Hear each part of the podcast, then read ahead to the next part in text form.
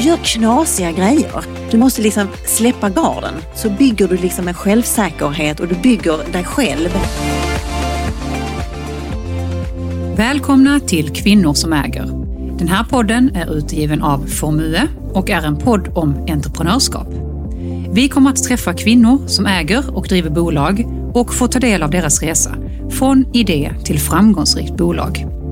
Vi som driver den här podden är jag, Linda J Liljesköld och Anders Bok Hallström. Tina Nordström är känd som Mat-Tina i hela Sverige. Men det vi var nyfikna på var entreprenören Tina. Vi kommer få höra om hur resan till det egna företagandet började redan i tonåren och om utmaningen kring att vara sitt eget varumärke. Vi kommer också få höra om hur det är att växa upp i en fyllefinka, att rymma från ett kök i Österrike, om kaskadspyor hemma hos Oprah Winfrey, men kanske framför allt om hur viktigt det är att välja det äkta framför det som bara ger snabba intäkter. Välkommen hit Tina och eh, jättekul att du vill delta i vår podcast Kvinnor som äger. Eh, vi sitter ju som bekant här på Formues kontor i hjärtat av Malmö. Tina, du är ju känd som Mat-Tina och är ju oerhört omtyckt av hela Sverige. Och du har gjort otaliga matlagningsprogram eh, från Tinas mat, New Scandinavian Cooking, Tinas Cookalong och nu senast Sveriges yngsta mästerkock. Men det som inte alltid kommer i fokus är ju Tina entreprenören och eh, om hur det är att själv vara produkten som säljs och om hur du har byggt upp ett företag kring det. Så det är det vi är jättenyfikna eh, på att få, få höra om, hur, hur allt började och din resa. Vi ska få reda på allt. Mm. allt. Ja, vad bra. Kan du inte bara börja? Snask. Snask. Men kan inte jag få börja bara med, med att och berätta om, om hur det gick till när, när, jag, när jag ringde dig för att höra om du ville vara med i vår podcast. Och sen presenterar jag mig som, hej jag heter Anders Bok Hallström, jag ringer från eh, Formue. Och sen är du tyst ett par sekunder och sen säger du, vad sa du att du ringde från sa du? jag, jag, jag ringer från Formue och sen är du tyst lite grann till så säger du, säger du Formue? och det, för de som då inte är skånska så är det då alltså nordvästskånska för för mycket. Ja. Och, och, det heter vi alltså inte. För, för mycket AB. Och det var väl ett, bara ett konstaterande från min sida att vi kanske inte riktigt hade tagit med det i beräkningarna. Nej. Att vårt nya koncerngemensamma namn skulle uttalas på nordvästskånska. Men här är vi och jag är jätteglad att du Här är vi. Och det där är så typiskt faktiskt mig för jag är sådär, jag är ju nyfiken ända in i benmärgen. Mm. Så när någon ringer så här som du gjorde, då, och då måste jag liksom, det måste först trilla in, vad är det han säger att han kommer ifrån? Och sen, så, och sen måste jag alltid fråga, vad sa du, vad sa du, så. sa du att du kom ifrån? Alltså det där är så typiskt, det är så jag är i, i mm. mångt och, och mycket faktiskt. För jag, mm. jag måste verkligen förstå. Ja. Jag ordnade mm. det på formö. Fast det blev en bra start och här det blev en väldigt jag. bra start. Ja. Alltså, ja. Vi hette ju Burenstam tidigare. Och det, Skitradigt. Ja. ja faktiskt, det är mycket roligare. Och det blir nästan alltid en snackis kring det här. Ja, vi vet här nere i Skåne så eh, kanske det inte det funkar. Det funkar. Nåväl. Men Tina, eh, nu vill vi ju jättegärna höra lite kring var växte du upp och med vem? Jag växte upp med en mamma och en pappa som är superjobbare. Eh, mm. Som alltid jobbade. Eh, och jag är uppväxt i ett eh, de hade olika restauranger. Det, var, det börjades på Norrvikens trädgårdar. Hade jag barnflicka och det, mormor och morfar passade och det var ett litet sommarhus köptes in för att vi skulle, de skulle ha oss, jag har en storebror, de skulle ha oss eh, nära då i eh, Hemmeslöv. Upplevde du att de jobbade för mycket eller för möd? De, det var Förmöd AB skulle ja. jag vilja säga. Okay. För dem! För, dem. för att jag och brorsan hade, vi hade det rätt så nice. Ja. Eh, vi hade, det var en jätterolig lekplats på Norrvikens trädgård där. Och... Mm. För ni följde ofta med? Ja men vi var med ja. och sådär, det var vi. Men då var jag rätt så liten. Men sen så, eh, men där är ändå liksom, jag har ändå små embryo av minnen liksom därifrån. Mm. Sen blev det Rya Golfklubb och, och, och de men mesta utav mina minnen är ju från Ramlösa värdshus, Ramlösa brunnshotell. Och då var ju de väldigt unga. Eh, och då köpte de även, eh, de köpte en tomt bakom Ramlösa värdshus för där skulle vi då bygga ett hus. Och under tiden så bodde vi nere i Ramlösa parken. Eh, ett, eh, faktiskt ett hus som sedan blev mitt kontor. Jaha. Men inte numera, men jag har haft det som kontor. Och så köpte de eh, en liten fyllefinka bredvid som En man hade för, fyllefinka. Det var ett stall, fyllefinka. Alltså det här är gammalt, det är ett jättevackert hus, Ramlösa Ja. värdshus. Eh, som, som man hade ett hus bredvid när, när alla söp för mycket så fick de gå in där och sova ruset av sig innan de åkte hem. Det ser man inte så mycket nu i inredningstidningar. Nej, man har inget sånt fyllehus bredvid huset. Det hade kanske varit något det är nya. Men, eh, nej men, eh, eh, och det var stall och det, det var mycket. Så att där flyttade då min farmor och farfar in. Och, I fyllefinkan? I fyllefinkan. Omgjord såklart. Ja. Och stall och allt vad det var. Men både jag och min bror, vi, har, vi, har, vi hade en fantastisk uppväxt. Mm. Vi hade så många som höll koll, som älskade oss. Och det var kockar och kallskänker. Och, eh, vi hade det, var ju så, det var ju sånt buller och liv och tjo och tjim alltid. Och sen gick man in till farmor och, och tyckte man att mamma och pappa var lite sur någon gång. Någon, om, man var, om de var hemma så tog man på sig morgonrocken och gick man ner och sov hos farmor. Mm. Ja, Det låter ju oerhört härligt måste jag säga. En så stor eh, liksom, familj runt omkring sig. ja, men det var det. det. Det var det faktiskt. Men du, eh, hur var du som barn då? Jag var nog rätt så chosefri. Enkel, tror jag. Jag. Jag har haft rätt roligt. Jag har alltid roligt faktiskt. Man får lite det intrycket. Ja, man får, jag får, får se till att ha det roligt. Eh, mycket kompisar och... Men Tina, jag tänker att du kommer ju egentligen från, du kommer ju från en entreprenörsfamilj. Eh, hur tror du att det har präglat dig som person och i ditt egna entreprenörskap? Nej, men det tror jag nog det har gjort väldigt, väldigt mycket. För mig så fanns det inget annat. Det var liksom inga stora kliv att ta. Jag startade ju bolag tidigt, jättetidigt, för att jag tyckte det här är världens bästa verktyg. Hur tidigt Ja. pratar vi då? Ja, men jag var väl, vad kan jag varit? Jag var precis fyllt 18 kanske. Okej, ja det är tidigt. Ja. Och då firma. Mm. Men eh, det var väl mer att det var sådär, det är väldigt häftigt, man ska ha sin firma. Mm. Det är klart man ska ha Ja. firma. Det var ett naturligt steg för dig. Ja men det var Ja. naturligt, det är ju, det är ett fantastiskt eh, faktiskt verktyg att Kanske ha. hade varit ett större steg för dig om du inte hade eh, gått åt det hållet. Att bli anställd. Ja, alltså, Ja. Som att, eller att, att inte ägna dig Ja. åt mat och att vara anställd någon annanstans. Ja, jo. Jag har hela tiden ett par steg framför mig själv. Mm. Och även som barn har jag varit det. Det går undan. Och, och jag, jag tänker, det är inte så att jag utvärderar mina, åh ska jag, ska jag inte, jag kör. Och så får det bära eller brista. Men du startade ditt första bolag som runt 18-19. Eh, vad var det för bolag då? Nej, men det var mer sådär, var jag och en kompis som skulle, alltså vi tyckte ju det var, vi var båda kockar och vi skulle ha lite cateringar och sådär. Och sen fick jag ju faktiskt, vad det, nu är, ja, jag är jättedålig på årtal och vilken följd och alltihopa. Men, eh, men jag fick ju starta eget bidrag. Som var en fantastisk grej. Och sen så fick jag dessutom reda på, bara för att jag var tjej så kunde jag få det i ett halvår till. Så jag, bara, Jaså? jag förstod inte varför, men det, det utnyttjar jag ju. Eh, så jag fick ju, ja men jag tror det var 6-7 tusen i månaden. Och under den tiden då, då blev det ju nästan som en tävling att du skulle starta igång så mycket som möjligt under den här tiden. Och jag samlade, jag vet jag samlade, jag skulle skicka fakturor och det var så, oh, det blev liksom som en, jag skulle jaga ikapp det här och det var, det var Men då var det en, bara du i företaget eller var ni var fler? bara, nej det var bara jag. Var bara. Det var bara jag. Men jag hade då min eh, kollega som bodde, bodde i en lägenhet i stan och sen så, så eh, eh, bodde han nedanför backen. Så vi, vi gjorde såna här omöjliga cateringar. Du vet, åka till Halmstad med fem liter sås i, bak, i baksätet och sånt. Man bara, hur kan man köra till Halmstad utan att skvalpa ut detta? Alltså vi gjorde en massa sådana riktiga, det var roliga grejer. Men från dop till död? Från dop till död, det var ju med Claes Turesson. Ja. Från dop till död. Vi hade många bra idéer. Eh, vi Hette ni det alltså? Nej, men vi vill, vi, vår idé var ju att vi skulle fånga våra kunder så pass och de skulle känna sån trygghet med oss. Så att de skulle köra oss från dop till död. Alltså man skulle ha, vi skulle ta hand om allt och då skulle man få kanske ett lite bättre pris när man hade 50-årsskivan. Eh, begravningen kanske. var, kunde vara dyr. För då fanns, då fanns ju inte personen i fråga. Man är kom- inte lika priskänslig. under jord. Ja. men det handlar om att det är, här, det är lite som att betala, ta tre, betala för två. Men, men eh, har du varit anställd någon gång? Ja, det har jag. Eh, Jag har varit anställd på Petri Pumpa och jag har varit anställd på, alltså där jag jobbat som kock har jag varit anställd. Eh, Och Torekov hos Rickard Ove Nilsson var jag också anställd. Eh, Men du var också i Österrike och jobbade? Och Österrike Ja. var jag också och, och jobbade. Och det var ju sån här, jag skulle lära mig, jag, lära mig, jag skulle åka skidor. Jag åkte ner, jag kunde ingen tyska.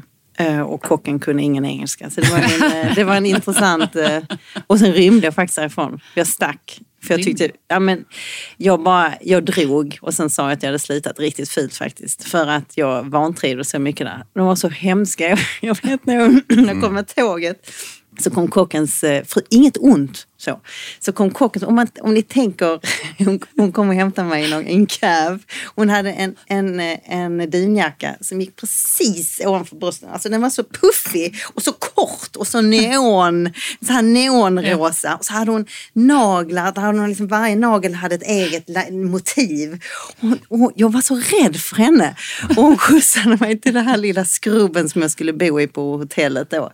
Eh, och jag hade väldigt roligt där. Jag hade danska kompisar som jag lärde känna. Vi hade väldigt roligt. Jag åkte skidor, skidor, skidor, skidor.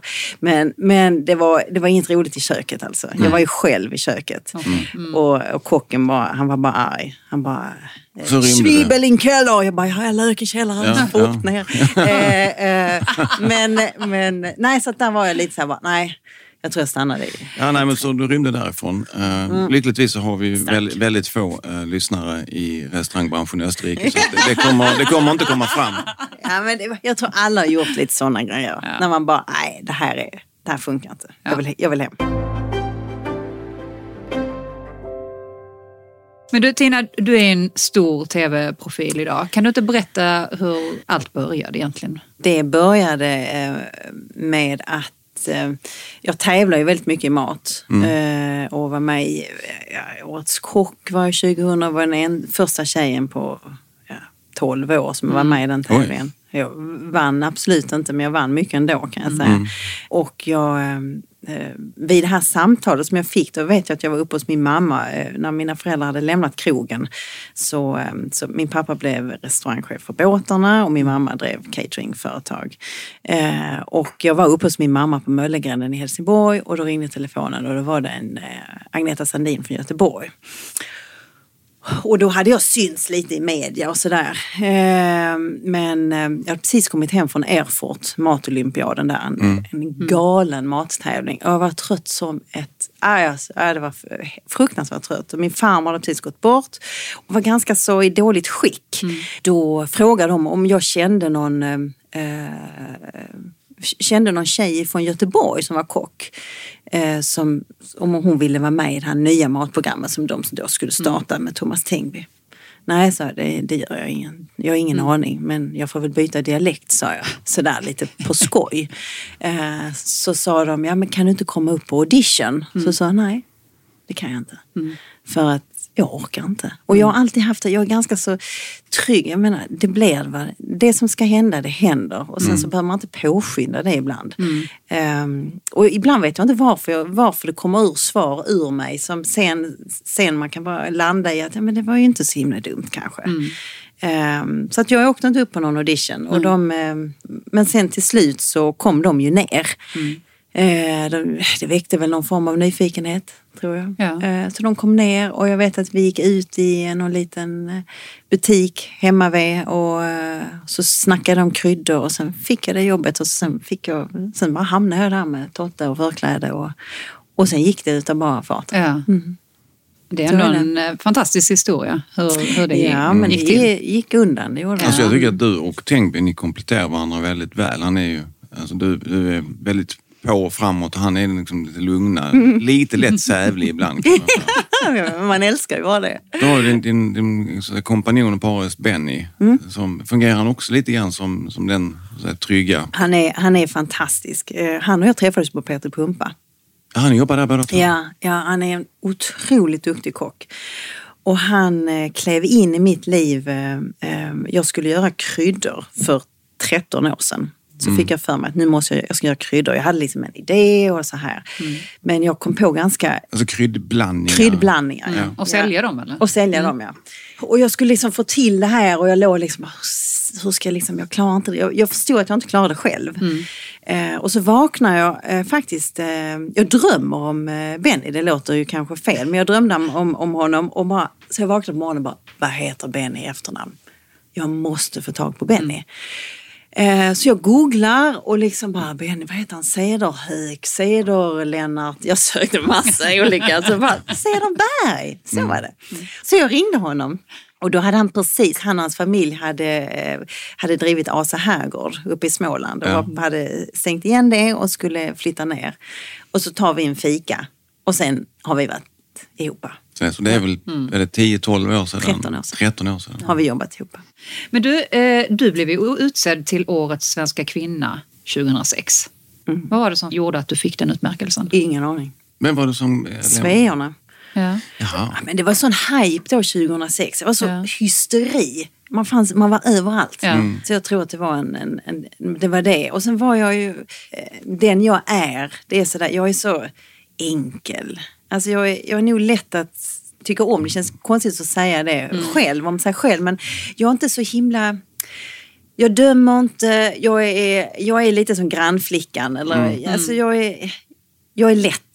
Och det tror jag också är någonting som jag förmedlade och kan fortfarande förmedla via linsen. Ja, jag tror det blir liksom en ofiltrerad äkthet på något vis. Exakt. Men du, runt den tiden, du, du, du blev ganska internationell också. Det, det, dina tv-program sändes ganska internationellt. Ja, jag gjorde ju amerikansk tv eh, för, för USA. Det gick i Kina och Ja. det gick i ja, gud ja, Tyskland och över, det gick överallt. Eh, och det var också återigen en sån här grej som jag hoppade på. Jag fick en förfrågan från ett norskt bolag om att eh, bli då New Scandinavian Cookings kvinnliga kock då i Sverige. Och min engelska var inte den absolut bästa. Så jag tackar ja. Jag säger upp mig på SVT.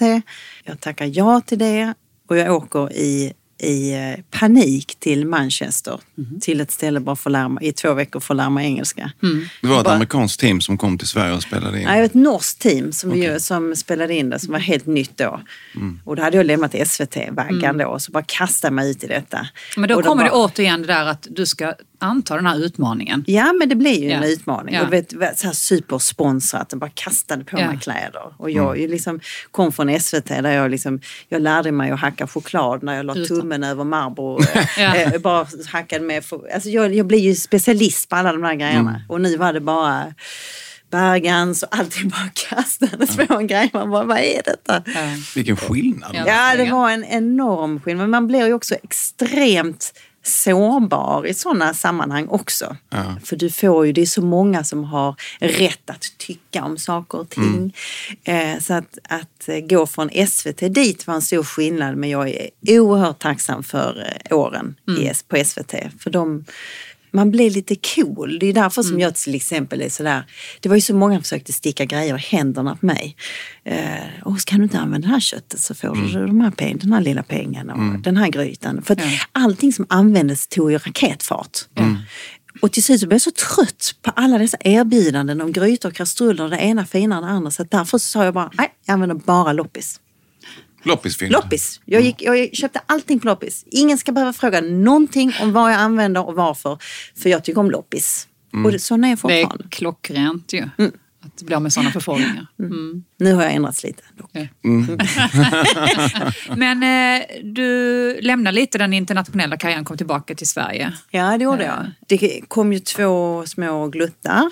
Jag blev gravid och eh, det gjorde jag. Men jag, men jag steppade tillbaka till det amerikanska igen. Jaha. Faktiskt så kommer jag ihåg eh, andra gången jag var med. Då, var jag, då låg Albin i magen när jag åkte över till eh, Chicago och skulle promota programmet. Och, och jag vet även, han fick följa med. All, båda barnen fått följa med. Albin var ju också, han fick också följa med till USA två gånger faktiskt. En gång var han ju född. Då låg han i en liten korg i en liten, på, eh, eh, på flyget och det vet man. Vi var på en jag tog med min man också. Eh, och det var väl i, var det Chicago? Eller var det Minneapolis? Ja, det var i alla fall någonstans. Och då var det kocken till eh, Oprah Winfield som vi då skulle träffa hemma hos honom. Och det var ju limousin in och det var ju första, det var ju, man bodde i sviter som jag aldrig har sett och du vet, och den här lille parvlen då, jag ammar ju honom mm. och du vet, vi kom till den här, den här kocken som hade ansträngt sig, fantastiskt utekök. Och, alltså Oprah Winfreys kock, privata, eh, privata kock. kock ja. Eh, och Albin var ju han var lite sjuk och han lägger en sån kaskadspya oh. i hela köket. Och du vet, så är ju. Yeah. Det är sånt som händer. Yeah.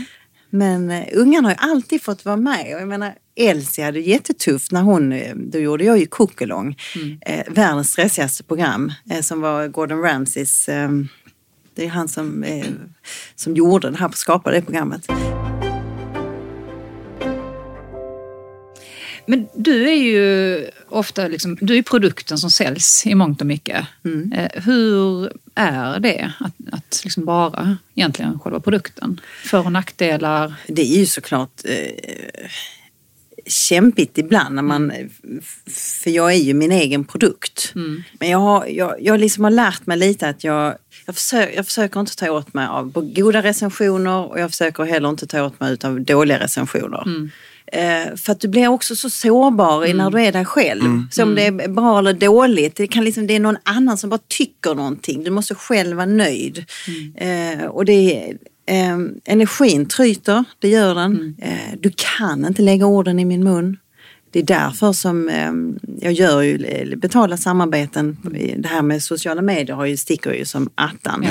Ja. Eh, och där försöker jag liksom att, att, eh, eller det är viktigt, jag kör inga korta kampanjer, jag kör långa samarbeten. Mm. Jag kan inte snacka om någonting som jag inte tycker om. Eh, jag gör ingenting för bara pengar. Mm. Det gör jag absolut inte. Det är inte pengar är ingen drivkraft Nej. överhuvudtaget. Eh, så det, där är ju, och det är ju det är varumärket som mm. pratar där. Ja. Om jag gör reklam till exempel för vad ska säga, kläder. Mm. Så, det nu är liksom utegrejer så det ligger det mig väldigt nära för mm. jag är en utemyra. Mm. Jag älskar grilla ute, jag älskar situationen. Jag tycker om rökdoft. Mm. liksom, jag är ju väldigt mycket fjällen. Eh, men skulle jag stå och säga den här jackan är himla bra för att den har faktiskt tre lager och den kan ni tvätta. Det går inte. Nej. Gör jag det så blir det ironi. Då, då skämtar jag bort det. Mm. För jag kan inte då blir jag sälj. Mm. Och det är inte trovärdigt. Inte för min egen själ och inte för, för de som lyssnar på mig. Och det är oerhört viktigt att, eh, att du ska kunna stå för det. För jag måste att stå det, sånt lyser igenom. Ja, också. det gör ju det. Och jag är jättenoga med det. Att det ja. måste vara ärligt. Och jag gör ingenting bara för att det ska liksom... Det, det är ett jobb. Mm. Men jag mm. måste tycka om saker och ting. Ja, det tror jag, det vinner man nog på i längden. Mycket, i längden. Ja, I synnerhet om man då är sitt eget varumärke ja, på det sätt som du är. Så. Ja. Men du, du är också ganska tydlig med att din familj och barn inte ska dras in i rampljuset. Mm. Men finns det någon tanke på att barnen ska ta över det företag du nu eh, har Gud, byggt upp nej. i framtiden? Nej, nej det hoppas jag inte. Det svarade du väldigt snabbt nej på. Ja, det var, det... Nej, nej, nej, nej. Nej, alltså ungarna ska inte synas. Nej. Jag släpper aldrig in journalister i mitt hem. Mm. Eh, min familj är min familj. Mm. Absolut inte. Jag, jag vet om, hade man visat upp sina ungar så hade man fått dubbelt så mycket i, eh, i både likes och det är, liksom, det är ju en liten trend i det man ska mm. visa upp. Men jag har sån sjuk integritet. Mm. Jag blir liksom, om jag skulle ibland nafsa på det, så, oh, jag blir nästan, mm. jag tycker det är, jag mår jag inte bra så. Jag tänker, alltså förutom att du är en tv-profil har du ju även tagit fram ett antal produkter som du säljer. Och, mm. eh, kan du inte berätta lite om det? Hur såddes fröet till de produkterna? Och... Ja, men det är också så här, jag har ju återigen kloka människor runt omkring mig. Mm. Och jag har en advokat som jag haft i många, många år. Sven A. Olsson heter han. Han var på Vinge. Och han har alltid pratat om tickande produkter. Det har mm. liksom satt sig i, min, eh, i ryggmärgen.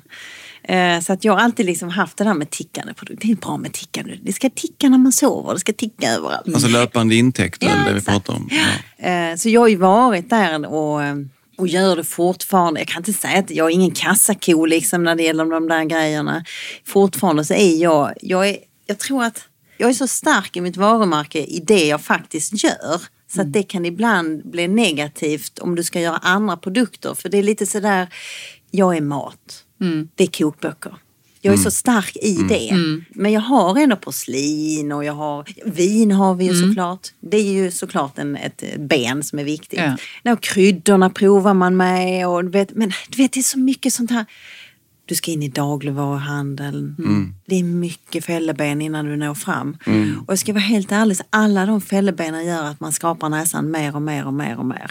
Och jag, eh, jag har inte riktigt råd med det. Eh, för att jag är så himla bra på att eh, sticka ut den och dra framåt. Så att Ja. då väljer jag hellre att tacka nej till de, eh, alla de plåsterna på näsan. Ja, Som man ja, jag behöver. förstår. Men, men apropå kokböcker så kommer du ge ut en Ny. ny kokbok och den kommer du ge ut själv. Ja. På ett eget förlag då? Nej, det är, alltså det, är ju, det är ju lite trendigt med de här mikroförlagen nu. Ja. Det är ju lite så här wild and crazy känsla Mm, verkligen. över alltihopa. Det är lite vågligt att vara mikro. Att vara mikro. Eh, men eh, så det här är ju, det, de heter The Book Affair och det är ju, kommer liksom avknoppare från många stora förlag. Och bland annat eh, från, från Bonnier som jag har varit med och som är ett fantastiskt förlag. Men någonstans så måste man testa att göra det här själv. Så att det var, tiden Bonnier är ju det stora, det trygga. Det. Ja, det är, traditionella det är jättebra. Bonnier är jättebra. Och Jag stänger ingen dörr till dem överhuvudtaget. Men jag var tvungen, den här resan var jag tvungen att göra. Eh, men då är Vad de vad- är det för resor du känner att Nej, du var tvungen att göra? Då är det ju, när man då går, går i de här eh, små förlagen så står du ju för fiolerna själv. Du får stå för allt. Eh, och sen hjälper de dig med, eh, med en viss del av marknadsföringen. Mot att du då får mer betalt utav boken eh, när du säljer den såklart. Men man kan säga i den här boken så är jag ju, jag är ju inte så slutproduktsfantast. Jag, jag tycker att ja, det är roligt, men det är inte det som är grejen. Jag älskar ju turen att nå fram till produkten. Själva processen. Ja, jag tycker jag är, helt, jag är sjukligt begeistrad i det. I alla processer. Jag tycker inte, jag tycker inte produkten är li- lika viktig. Nej. Det, För- det är den ju såklart för gemene man. Men d- då är den lite. Men jag tycker att hela resan dit är den jag är. För i den här processen med den här boken så då tar du liksom fram eh, fotograf, formgivare och allting själv egentligen och hittar dem du vill jobba med. Ja, och Eller det hur- har, hur- precis. Och det har ju varit, nu är det jag och Benny som har gjort det. Ja. Vi, är liksom, vi är ju ett team, Ja. han och jag. Men, men för att utveckla och, och där kanske det är mycket jag som, som, som driver sättet att, att, ehm, att göra boken. För jag tycker att det är roligt att hitta liksom de här wookiesarna. Behöver, vi behöver dammas av, både jag och Benny. Vi, liksom har, vi är räva, det här är bok nummer 16. Oj. Eh, ja, det är jättemånga böcker. Eh, vi behöver en formgivare. Tänk, vi kan få en formgivare som aldrig gjort en bok. Ja, klart, fixar vi. Eh, vi Som hittar- aldrig gjort en bok? Ja, som aldrig gjort en kokbok. Hon var helt nyexaminerad på Konstfacket. Varför valde ni någon som För aldrig att gjort hon är nyexaminerad. Vi behöver, vi behöver Nytänk, någon som, eller? nytänk, vi behöver någon som vi kan liksom, dels kan vi lyfta henne och, och dels kan hon lyfta oss. Ja.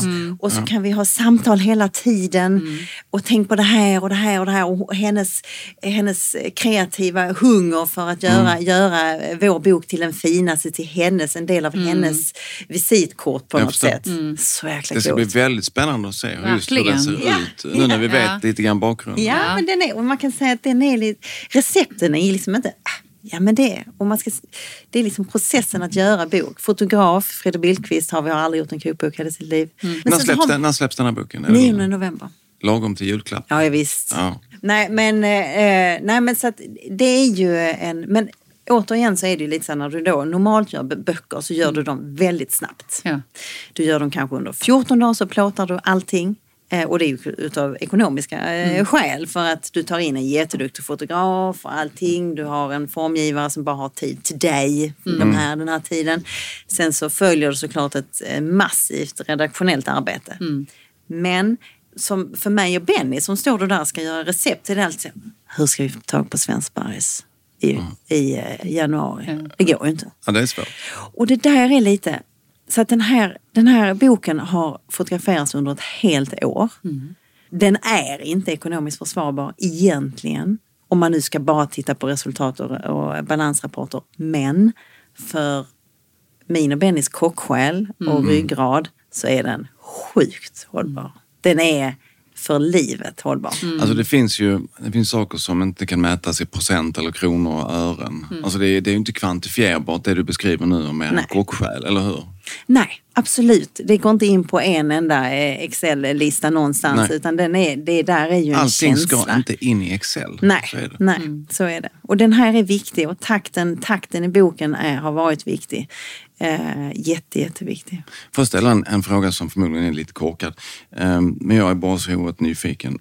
När man då gör en kokbok som du har gjort, då, 16 stycken, och så Mm. lagar man då jättemycket mat under en kort tid. Vem äter den maten sen? Åh gud ja, ingenting slängs. Vi skickar med matpackar till fotografen, till, jag åker ner till min pappa, det går hem, alltså allting äts, ingenting slängs. Okej. Så vi, där är vi supernoga. Och allting, vi är inte så, här så att vi bara gör mat för en bild, utan det är salt och peppar tills det är perfekt. Ja, ja. Okej. Det är inte Ja, bara ja. för att det ska se snyggt ut. Utan vi smaksätter upp och testar så att allting är Ja, Det ska liksom helt eh, eh, korrekt. perfekt. Jaha. Ja, Det har jag faktiskt funderat på när, när, just när man tittar på Ja. matlagningsprogram.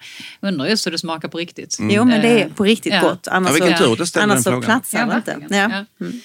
Känner du att du har fått ge upp någonting för att skapa det som du har idag? Eh, nej, det tror jag inte. Det, Jupp, då, hur menar du? Nej men i, i, i tid eller det, du är en väldigt offentlig person. Man har fått välja bort Eh, någonting. Och välja bort Ja. det. För att det, det känns som att det är fart och fläkt precis hela tiden. nej, det tror, alltså jag har ju inget annat att jämföra med. Nej. Jag har alltid, jag kommer alltid vara likadan. Mm. Eh, Men hur är det att gå ut på restaurang nu? Alltså om man tänker tiden före och efter SVT. Den här eh, lilla försiktiga varningen du fick om att gå ut och ät nu för det kommer att bli annorlunda sen. Ja. Eh, Hur är det nu att gå ut och äta eh, som den du är? det är ingen skillnad. Det är inte det? Nej. Men det är också, jag tror det handlar kanske också om, jag ser inte, jag tar inte mig själv på så himla stort allvar. När jag går ut och käkar så är det som vilken som helst. Ja. Jag, kan inte, jag, jag ser inte att, det kan ju ibland vara som mina vänner, ser du inte, de vänder sig om och ba, ba, ba. Jag ser inte det. Nej, och sen idag är det, vi har en ganska så, tycker jag, en fin balans i, idag är det inte så här, eh, var det när jag jobbade i Köpenhamn, Bonnie Tyler kom väl in och skulle käka. Jo det var det. Och då blev det wow! Och jag fick servera henne. Jag eh, jobbar på en, eh, en liten krog. Det blir jättestort. Men idag är det ju inte så. För vi har våra sociala medier. Ja. Vi har liksom förståndet till, det är en vanlig människa. Ja. Ja såklart, det är vissa sådana som tycker, hade Britney Spears kommit dansande här i liksom, på gatan, på Västergatan 1 och knackat Då på dörren och, och, och gått upp, då hade man ju reagerat. Men idag är Ja, vi ganska... vi nog, ja. Ja, faktiskt lite grann tror jag faktiskt vi hade reagerat. Bara lite. Ni re- reagerar mer när jag kom, eller hur? Nu har vi kommit till den frågan som ingen av våra poddgäster slipper undan. Eh, Nej, nämligen att, Den har jag redan glömt. det vill säga att, kan du inte ge tre konkreta tips till den som vill starta ett bolag och kanske med en vinkling där man är produkten själv, så som du är? Ja, alltså, eh, men man kan väl säga så här då, att man måste det här med att man måste våga kasta sig ut. Det tycker jag man ska göra innan man startar sitt, vad det nu än är. För det viktiga är att du är, om du speciellt om du är dig själv, så måste du, du måste tänka på alla, alla de här grejerna. Hur vill du vara? Hur vill du bli sedd? Vad är bra med dig? Vad är dåligt? Du ska göra liksom en SWOT-analys på dig själv. Och då menar inte jag att du ska liksom, eh, du behöver inte göra de stora dragen. Det kan vara sådär, alla går, ja men så här, shit vad det är coolt med crossfit, men jag passar ju inte där. Ja? Jo, släng dig in i det crossfit-passet. Du måste våga eh, dra ner på dina spärrar och våga göra obekväma saker. Gå en kurs, bara, jag, jag är skitdålig på att prata högt inför. Ja men gå en kurs där du lär dig det. Gör knasiga grejer. Ah shit, det är så coolt med de där som dansar på krogen sådär lite för sig själv. Ja men gå in och ställa i mitten och dansa då. Du måste liksom släppa garden. Och, att, och, och i alla de här när du släpper garden på fler och fler ställen så, så bygger du liksom en självsäkerhet och du bygger dig själv. Och speciellt om du är då ett varumärke så formar du dig själv. Det kanske är, jag vet inte hur många tips detta är, men det skulle jag vilja säga att det är nog det viktigaste. Att vara trygg. Och du blir trygg ju mer du utsätter dig för. Eh, men du måste ibland landa och bara, det här, jag tycker det är så jäkla viktigt hur man vill bli sedd. Och vad du tycker om, varför tycker du om vissa personer och vissa inte? Ja, men vad är, det, vad är det som gör? Det kan vara hur man säger hej. Mm. Det kan vara att du alltid ska vara på mejlen och säga hej, hur mår du? Mm. Du ska liksom sätta dina regler och dina mallar för vad du tycker är bra. Mm. För gör du det mer, det finns ju liksom det här med karma, kan man ju, men du blir, gör du det, sätter du det så får du tillbaks det. Ja. Och då blir du hållbar. Jag Det tyckte det var... Även om, det, även om det kostar lite, lite plåster på näsan ibland. Så. Ja, man måste, det måste göra ont Mm. faktiskt ibland. Jag tyckte det var jättebra medskick till våra lyssnare. Tycker Tack så jättemycket Tina för att du ville vara med i vår podd.